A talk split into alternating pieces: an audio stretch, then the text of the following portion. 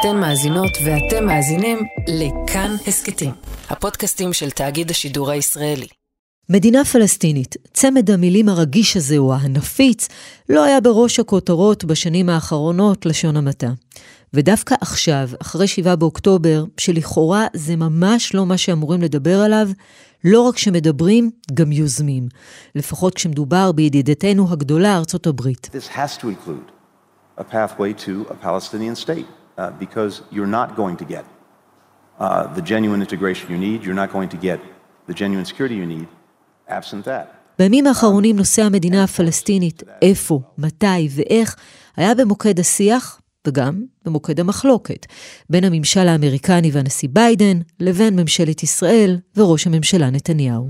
אני מאוד מעריך את התמיכה של ארה"ב בישראל, גם הבעתי זאת בפני הנשיא. ועם זאת, אני עומד בתוקף על האינטרסים החיוניים שלנו. עזה חייבת להיות מפורזת בשליטה ביטחונית מלאה של מדינת ישראל. ומתברר שדבר אחד לא משתנה. בעברית ובאנגלית, הדברים נשמעים תמיד אחרת.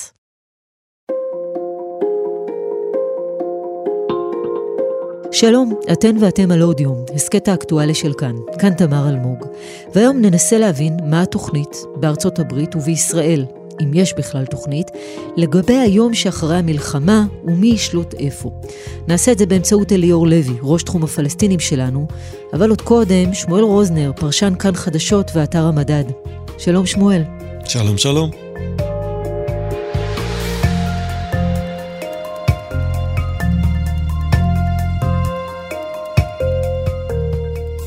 לפני הכל, בוא נדבר על עצם השיחה שלנו בכלל אה, היום. כי התפיסה של שתי מדינות לשני עמים היא העמדה האמריקנית המסורתית.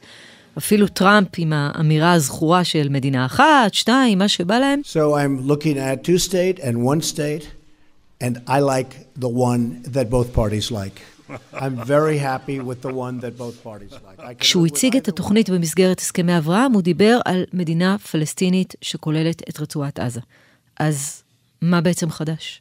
שום דבר לא חדש מבחינת העמדה האמריקאית. מה שחדש זה שבעיתוי הזה הם החליטו לדבר על זה. כלומר שבנסיבות האלה, כאשר ישראל חיה בתחושה שזה לא הזמן לדבר על שום דבר מדיני, אנחנו כרגע עמוק בתוך העניין הביטחוני, דווקא בעיתוי הזה האמריקאים שולפים את הקלף של, ה, של המדינה הפלסטינית, שהם יודעים שהוא קלף מאוד שנוי במחלוקת בישראל.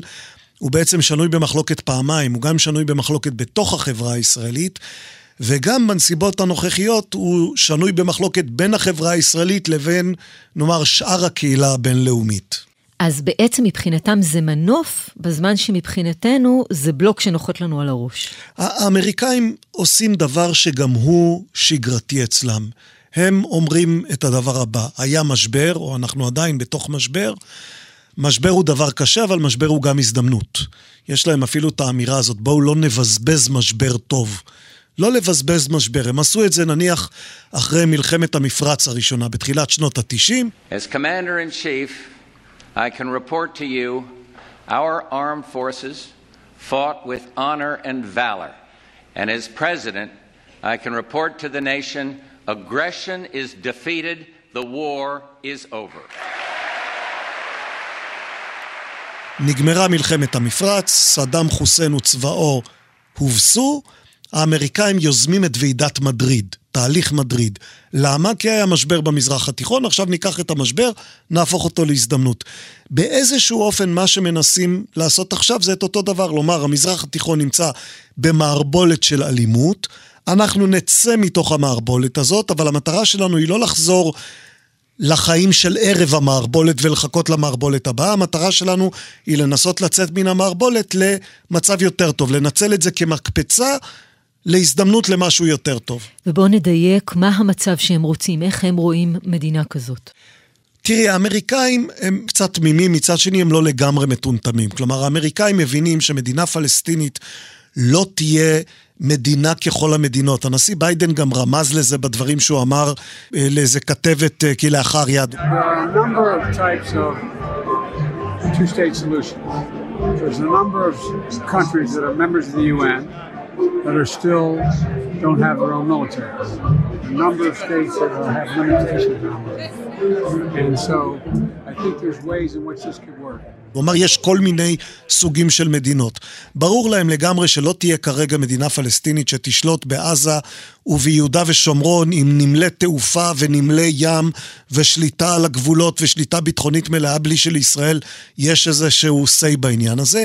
הם כן רוצים לראות התקדמות הדרגתית לקראת מה שהם קוראים לו אופק מדיני. כלומר, להציע לאוכלוסייה הפלסטינית איזשהו דבר שיאפשר להם לחלום על כך שיום אחד תהיה להם מדינה פלסטינית מלא מלא. גם אם זה ייקח עשר שנים או עשרים שנה עד שנגיע לשם, הם רוצים לה, להתחיל לראות את התהליך הזה, וזה תהליך שישראל כרגע מתקשה לעכל אותו. לפני שנגיע רגע לתהליכי העיכול כאן, הזכרת את האוכלוסייה הפלסטינית, צריך גם לומר מדינות ערב. כלומר, החלום הזה, יש לו כל מיני שותפים, וכל אחד עם הזוויות שלו לחלום. נכון. תראי, מדינות ערב משמשות פה כשחקן לפחות בשלושה היבטים. בהיבט אחד רוצים שהם ישתתפו בסיוע לשיקום עזה. יש להם תנאים אם רוצים שהם יעזרו לשקם את עזה. דבר שני, רוצים שהם יהיו חלק מעסקת החבילה הכוללת, כלומר, נניח חידוש יחסים בין ישראל לבין ערב הסעודית. גם בעניין הזה יהיו לסעודים כל מיני תנאים שהם ירצו לשים על השולחן. דבר שלישי, ישנה העמדה המסורתית הערבית שדוגלת במדינה פלסטינית, וגם אם חלק מהמדינות הערביות בעצם כבר התעייפו מהפלסטינים ומרגישים משועממים מהפלסטינים, דעת הקהל בעולם הערבי לא מאפשרת להם להתעלם באופן מוחלט מהסוגיה הפלסטינית, ולכן הם מוכרחים לשים, לפחות למראית עין, הם מוכרחים לשים איזושהי דרישה כזאת על השולחן.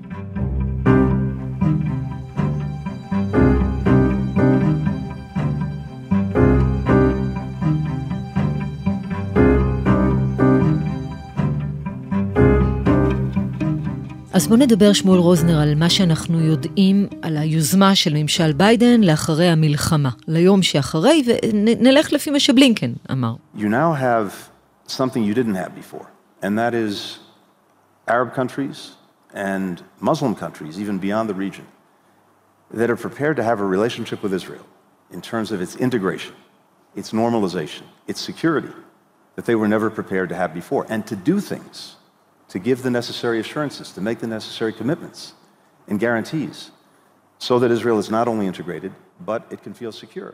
קודם כל הפסקת אש, החזרת החטופים וכניסה של כוח בין ערבי שישלוט בעזה. כן, נשמע טוב. ובשלב הבא הוא מדבר על רשות פלסטינית משודרגת ומחוזקת, ששולטת גם בעזה וגם בגדה. A stronger reformed Palestinian authority that can more effectively deliver for its own people has to be part of the equation. וזה כולל בחירות, ופה כשנעצור רגע בשלב הזה, ובואו נזכיר מה קרה בפעם האחרונה שהם לחצו על בחירות, על שרון ב-2006. כן, 2006, ממשל בוש, שאף אחד לא יכול להאשים אותו באיזה עוינות לישראל, ממשל בוש בעצם מאלץ את ישראל לאפשר אה, אה, בחירות פלסטיניות. על אף התנגדות של, אה, של ראש הממשלה שרון. האמריקאים אז עדיין בתוך העולם הזה של 9-11 ושל דמוקרטיזציה במזרח התיכון.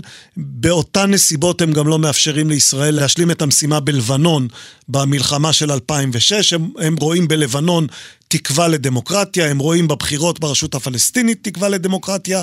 התוצאה, כמו שאנחנו יודעים, זה חיזבאללה בלבנון וחמאס בעזה. כלומר, האמריקאים יש להם כל מיני חלומות וכל מיני אידיאלים וכל מיני אה, שרטוטים שהם עושים על הנייר ביחס לאיך המזרח התיכון צריך להיראות. ובחירות זה דמוקרטי, אז בואו נעשה בחירות. ו... נכון, ולפעמים... בלי להבין שזה קצת שונה פה. נכון, לפעמים הם לא לוקחים בחשבון שתוצאה של בחירות יכולה לסבך מאוד את המצב גם עבור ישראל, ובסופו של דבר גם עבור האמריקאים עצמם. בשלבים הבאים, אז הם רוצים בממשל האמריקני אה, נתיב, נקרא לזה, למדינה פלסטינית.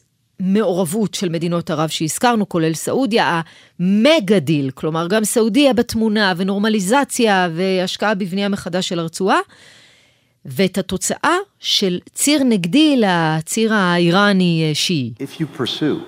Integration with security, with a Palestinian state, all of a sudden you have a region that's come together uh, in ways that answer the most profound questions that Israel's tried to answer for years, and what has heretofore been its single biggest concern in terms of its security, Iran, is suddenly isolated along with its proxies and will have to make decisions about what it wants its future to be. בעצם המהלך האמריקאי נועד לפתור, נגיד, בעיה מקומית קצרת טווח ובעיה אזורית ארוכת טווח. הבעיה המקומית קצרת הטווח זה השאלה מי ישלוט בעזה. מישהו צריך לקחת את המפתחות של עזה ביום אחרי שישראל מסיימת את המלחמה, צריך לשים לב, האמריקאים תומכים במטרתה של ישראל מהיום הראשון למלחמה ועד היום, לא נסוגו בהם מהעניין הזה שחמאס לא צריך לשלוט בעזה.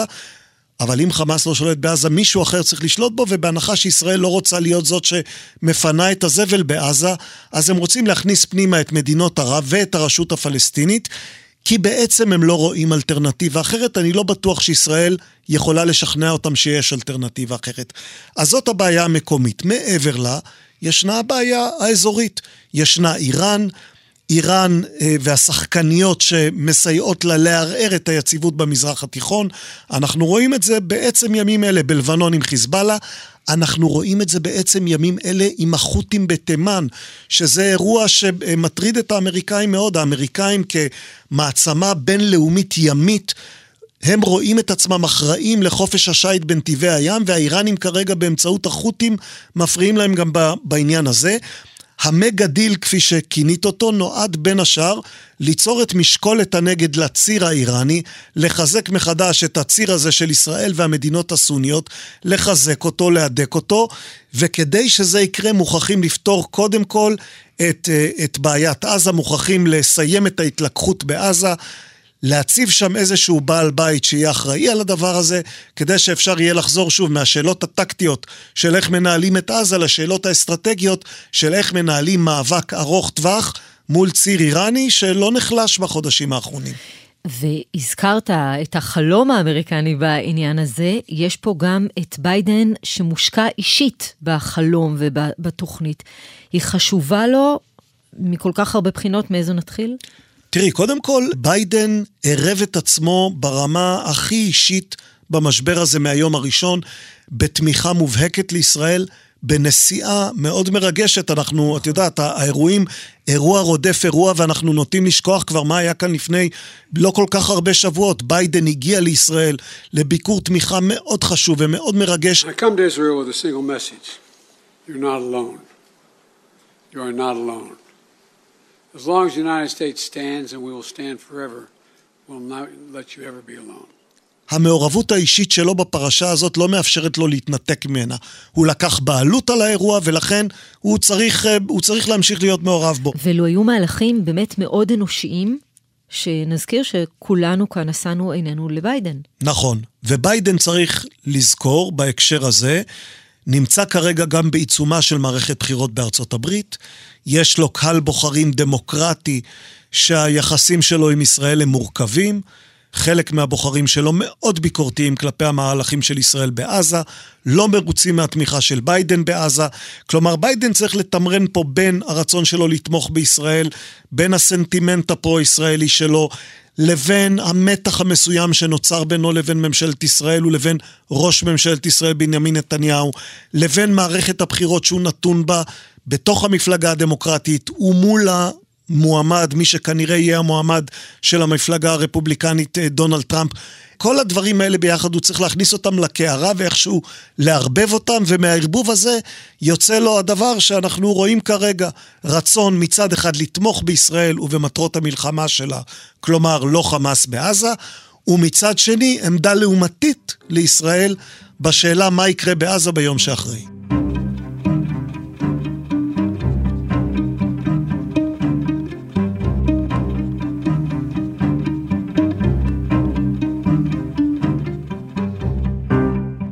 אז דיברנו על ביידן וארצות הברית, בואו נדבר על התגובה הישראלית. כי הייתה הרי שיחה של נתניהו וביידן, שבה נאמרו דברים מסוימים, באנגלית, ואחר כך היו הבהרות של נתניהו בעברית.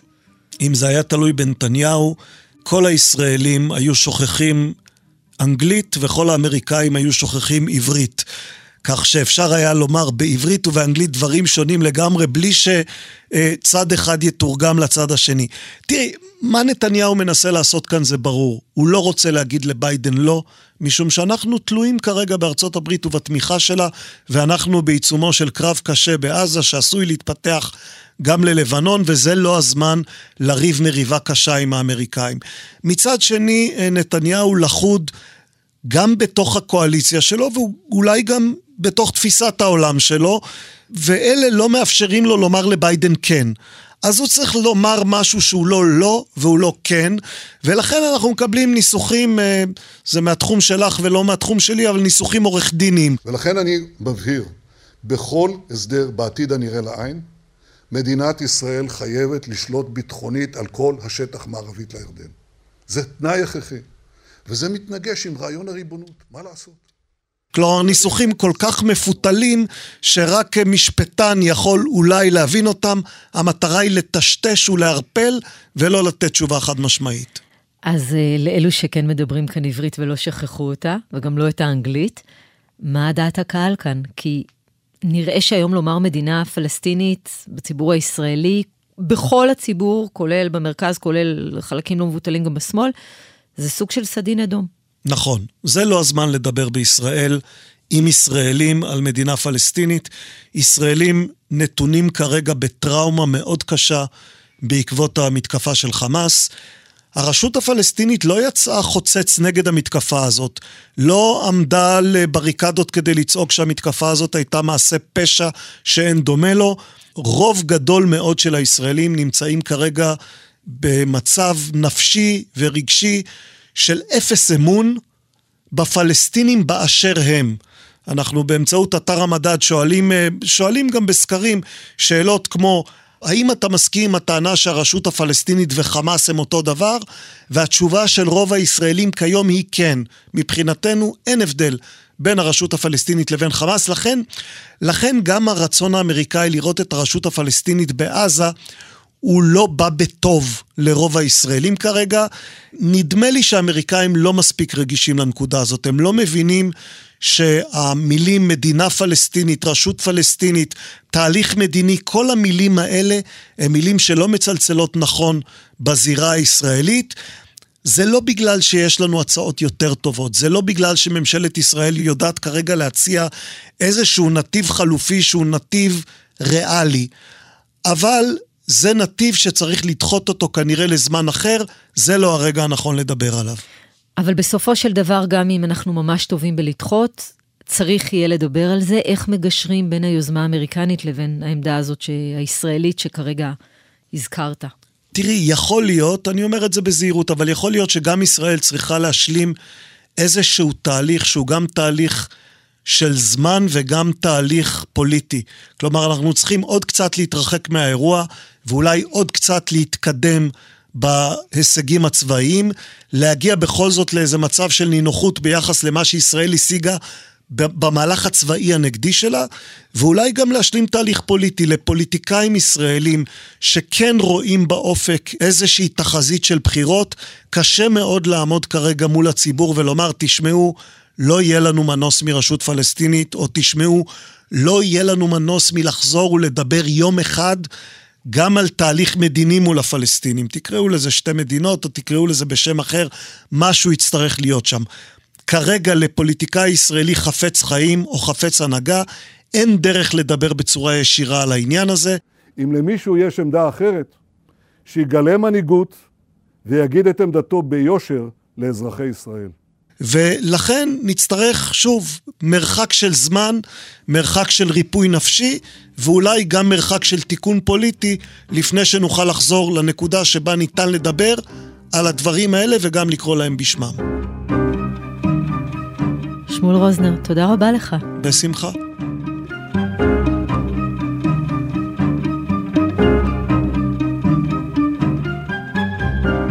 אז הבנו מה האמריקנים רוצים, מה הישראלים לא רוצים, אבל כשמדברים על מדינה פלסטינית, בואו נשמע מה קורה אצל הפלסטינים ומבחינתם.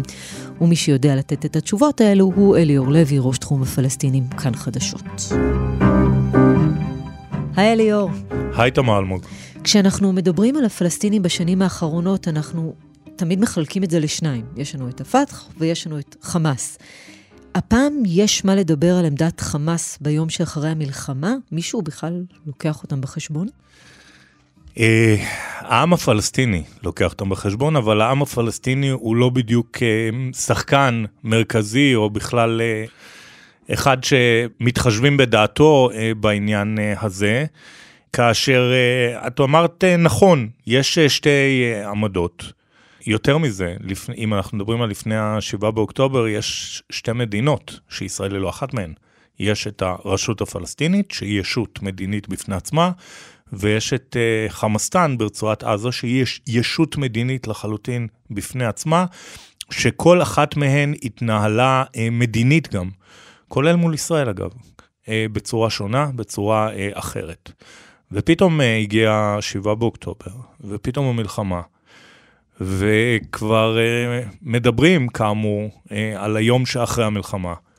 וכל העניין הזה של uh, איפה חמאס יהיה בכל הסיפור הזה, הוא נורא טריקי. כי אם את שואלת את האמריקנים, חמאס לא יהיה בסיפור הזה. אבל אני חושב שאם ישאלו את הקטארים, התשובה כבר תהיה פחות אה, חד משמעית, נאמר את זה ככה. ואם תשאלי את העם הפלסטיני, אז התשובה תהיה חמאס צריך להיות חלק מהישות שתהיה שם, או ההסדר שיהיה שם.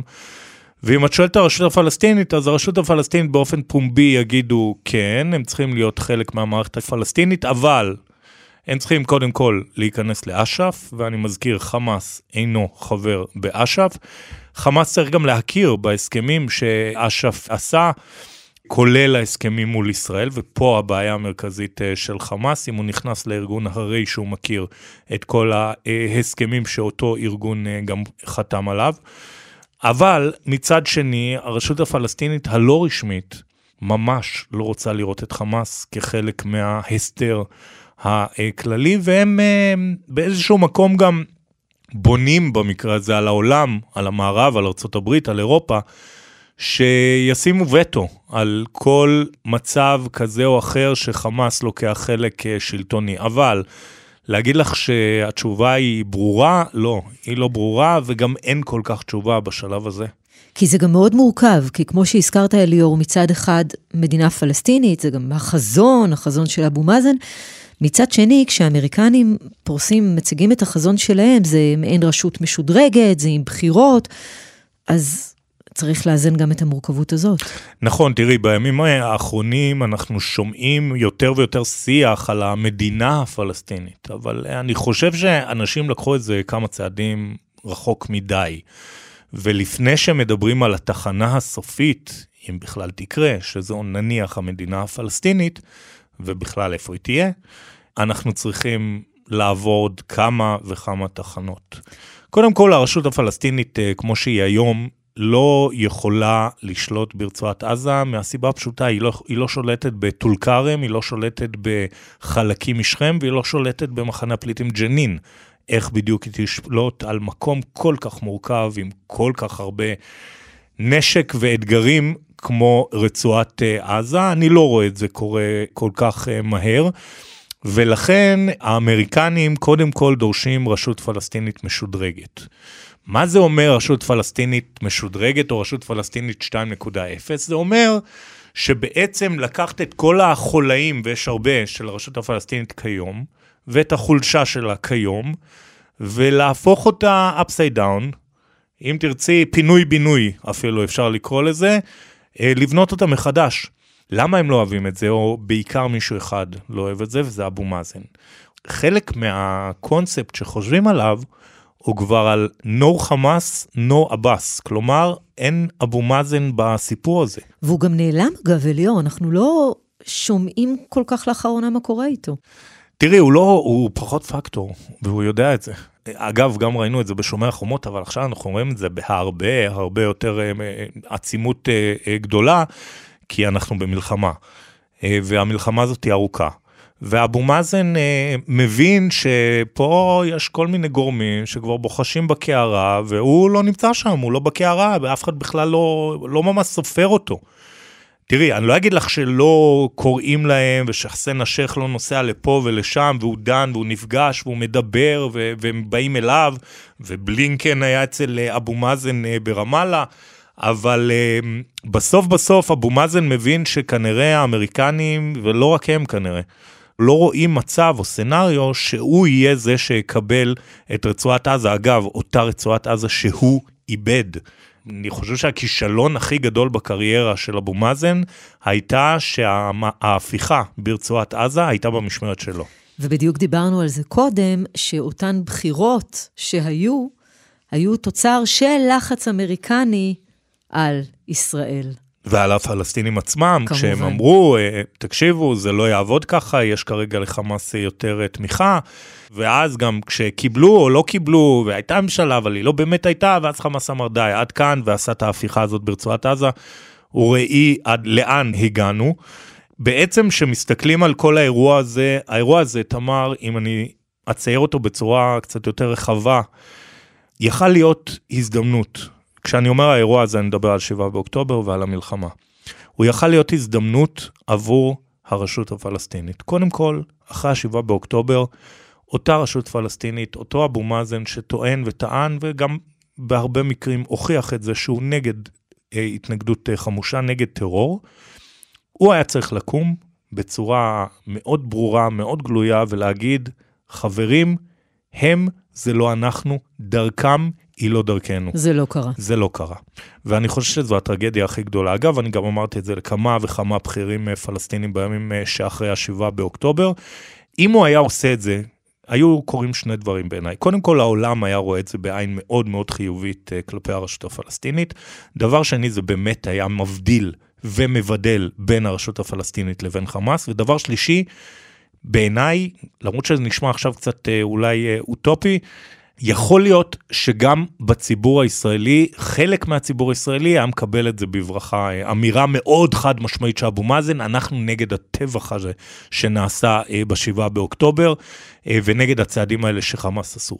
הוא לא עשה את זה. בעיניי טעות מספר אחת שהוא לא עשה. מהרגע שהוא לא עשה את זה, תראי מה קרה. יש סוג של קמפיין, אגב, הוא התחיל בימין הישראלי, אבל הוא סוג של לגיטימי בעיניי, להסכים איתו או לא להסכים איתו זה עניין אחר. שקושר בין כל הפלסטינים, כלומר בין מה שחמאס עשה לבין הרשת הפלסטינית לבין פת"ח. ואנחנו רואים את ההשלכות של אותו קמפיין, של אותה, אותו שיח שהגיע בדיוק מה... לשון הרפה הזאת של כן מגנים, מגנים את שני הצדדים. Meanwhile, Palestinian leader Mahmoud Abbas said the policies and actions of Hamas do not represent the Palestinian people. He stated the Palestinian Liberation Organization was the only legitimate representative of the Palestinian people. בסוף בעצם הוא גם לא אמר את האמירה הזאת. ואכל אותה. בצורה חד משמעית. בצורה חד משמעית ברמה הבינלאומית. נכון. מצד שני, הוא גם לא אמר ההפך, אז הוא אכל אותה גם בגזרה הפלסטינית. נכון, אז הוא קיבל בעצם את הסתירה משני הכיוונים, ואין לו תמיכה. ואז, שגם ככה הרשת הפלסטינית חלשה, אז בא העולם ואומר, אוקיי, אם אנחנו מציירים איזושהי תמונה אסטרטגית חדשה, אז הוא לא צריך להיות שם, די, הוא עשה את שלו, הבנו, אוקיי, הבן אדם נושק ל-90, כנראה שצריך כאן משהו חדש, כנראה שצריך רישאפל כזה ב, בתוך הרשות הפלסטינית, עמוק מאוד. כנראה שצריך מנגנונים הרבה הרבה יותר חזקים ומשמעותיים, מנגנוני ביטחון כמובן אני מדבר, וכנראה שצריך הנהגה אחרת. אולי אפילו הנהגה יותר צעירה. אולי אפילו הנהגה שאבו מאזן דחק החוצה. סתם דוגמה. סלאם פיאד. היה ראש הממשלה הפלסטינית, הוא הקים את מוסדות המדינה הפלסטינית, הוא באמת עשה דברים שהביאו את הרשות הפלסטינית לימים שהיו ימים טובים עבורה, אני מדבר בעיקר על תחילת העשור הקודם ועל אמצע העשור הקודם. והוא עשה את זה, הוא עשה את ה-state building, ואבו מאזן דחק אותו החוצה והוא באמת נעלם, ופתאום השם שלו עוד פעם חוזר, כי יודעים שסלאם פיאד קודם כל הוא מערבי, בגישה שלו, הוא כלכלן, הוא מסתכל על דברים והוא ישר כפיים. והרשות הפלסטינית היא לא בדיוק ישרה, וזה ידוע, לא, לא צריך להרחיב יותר מדי, והיא מאוד מבוגרת והיא מאוד מאוסה על הציבור. איפה הבעיה? הבעיה היא שנגיד אדם כמו סלאם פיאד, גם אם מקדמים אותו בארצות הברית או במערב לקדמת הבמה, אין לו את התמיכה העממית. להפך, גם יכול להיות שאם יקדמו אותו במערב ומארצות הברית, אז הוא ייחשב כסוכן זה, שלהם. הוא ייפגע בדיוק, ברמת התמיכה בדיוק. העממית. וכאן גם פרדוקס, כאן אנחנו נמצאים בתוך מצב שהוא מאוד מאוד בעייתי. ולכן את לא יודעת לשים את, ה, את האצבע, נתתי רק שם אחד, יש עוד הרבה שמות, גם דחלן למשל, אבל לא ניכנס לזה. את לא יודעת לשים את האצבע על מי יבוא אחרי אבו מאזן. וכרגע האופציות לא משהו, בלשון המעטה, ואלה שהן כן יכולות לעורר איזושהי תקווה, הן חסרות תוחלת גם בתוך הזירה הפלסטינית, כי בסוף יש עם פלסטיני, והוא בסוף יבחר את המנהיגים שלו, הוא רוצה לפחות לבחור את המנהיגים שלו, והרי שאנחנו שוב פעם נכנסים לסוג של פלונטר. אליאור לוי, תודה רבה. תודה.